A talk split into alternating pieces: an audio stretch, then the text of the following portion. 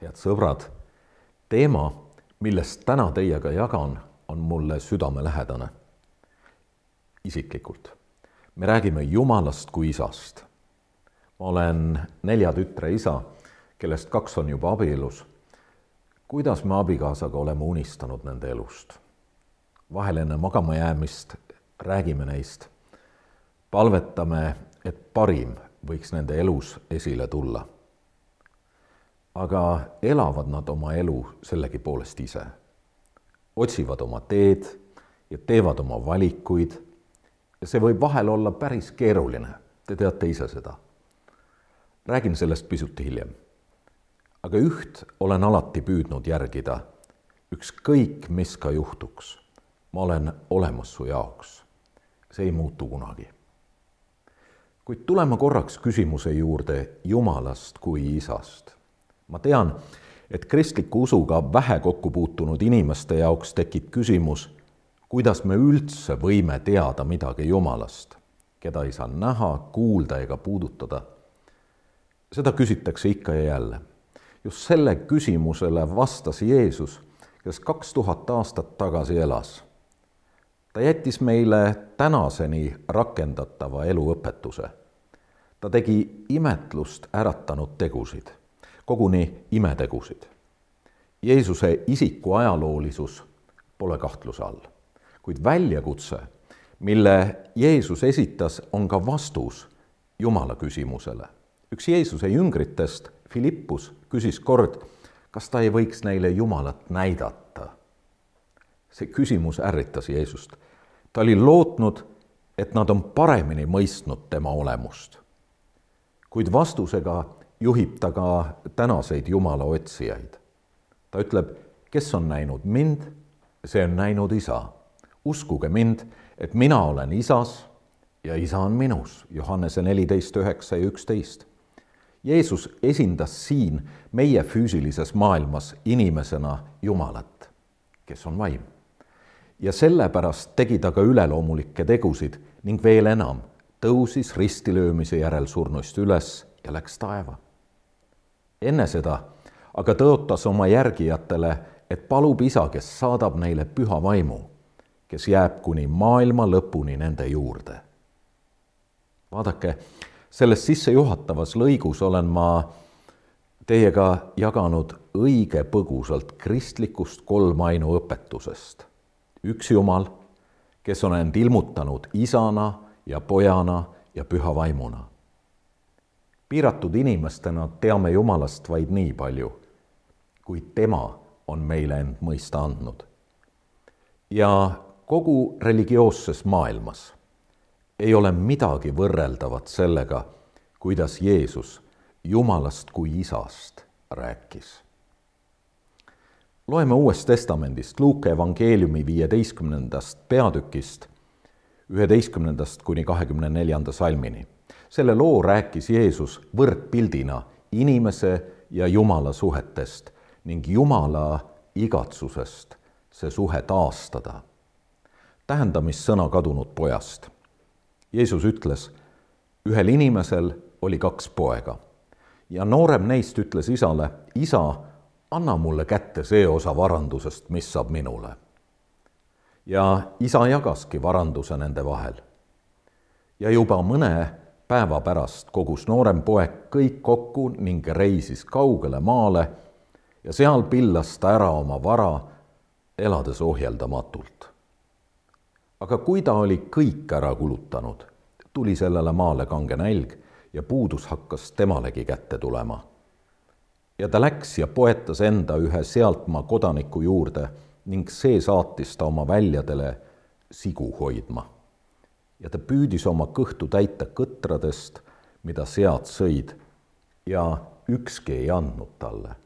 aga kui ta mõttesse jäi, siis ta ütles, kui palju palgalisi on mu isal ja neil on leiba küllalt, aga mina suren siin nälga.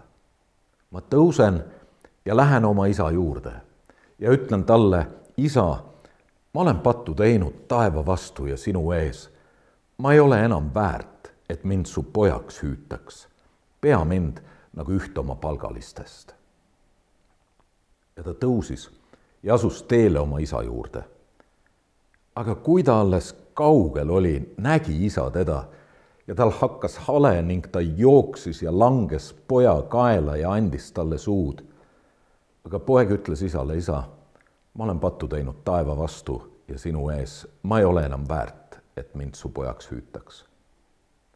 Ent isa ütles oma sulastele, tooge kiiresti kõige kallim kuub ja pange talle selga ja andke talle sõrmust sõrme ja jalatsid jalga ja tooge nummvasikas, tapke see ja söögem ning olgem rõõmsad, sest see mu poeg oli surnud ja on jälle saanud elavaks.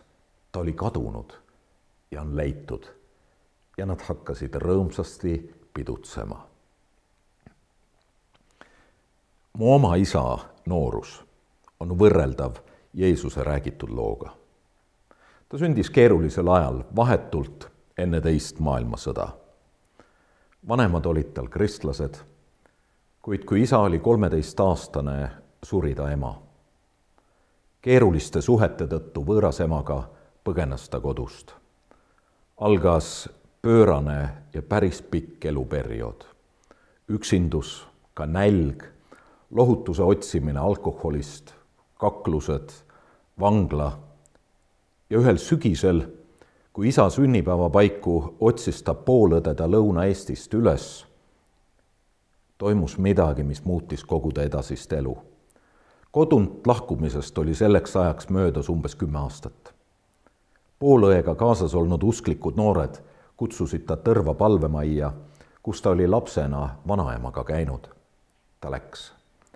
Ise ta meenutab, kuidas terve koosoleku ta lihtsalt nuuksus. midagi ilusat ja head meenus ja puudutas. igatsus selle järele ajas teda palves otsima andestust Jumalalt.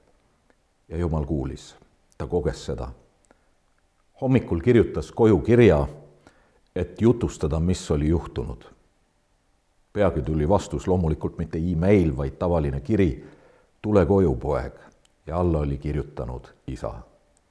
sellest sai alguse uus eluetapp, mille tulemusel olen olemas ka mina ja meie ligi neljakümne liikmeline pere Jeesus rääkis kadunud poja loo, sest tema teab, mida taevane isa tunneb. Jeesus teab, kui väga Jumal armastab igaüht meist.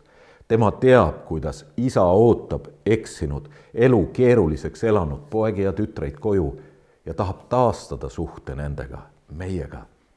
Jeesus ütleb lausa, et Jumal ta selleks saatiski, et tulla otsima ja päästma kadunut, Luuka üheksateist kümme. usust Jeesusesse saab meie tee isa juurde, sest Jeesus ütleb, mina olen tee ja tõde ja elu, ükski ei saa minna isa juurde muidu kui minu kaudu, Johannese neliteist kuus. see tähendab, et Jeesus teab, kuidas Jumalaga, meie taevase isaga suhelda, kuidas suhe taastada ja ta aitab meil seda teha, kui me pöördume senistelt teedelt, kui me meelt parandame ja usume. ei ole vaja tõestada et maailm on katki. teate, üks tütarlaps aastaid tagasi tuli mu juurde peale selleteemalist jutlust ja ütles, et pole kunagi kogenud sellist isa suhet, millest olin rääkinud. Kuid see ongi põhjus, miks Jeesus tuli. Jeesuse suhe oma isaga on pilt sellest, milliseks võib saada meie suhe Jumalaga, täis usaldust, lähedust, julgustust ja sõbrad, kui meie suhe taevase isaga saab selliseks aitab Jumal meid luua või ka tervendada oma suhteid meie oma perekonnas ja ühiskonnas laiemalt. tervenemine algab meie Jumala suhte taastamisest.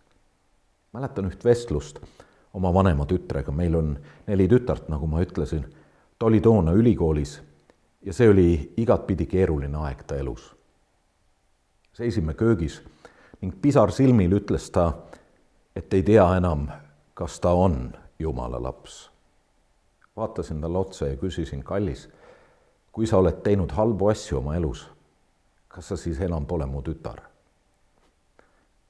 ta ehmatas selle küsimuse peale. muidugi olen, vastas ta.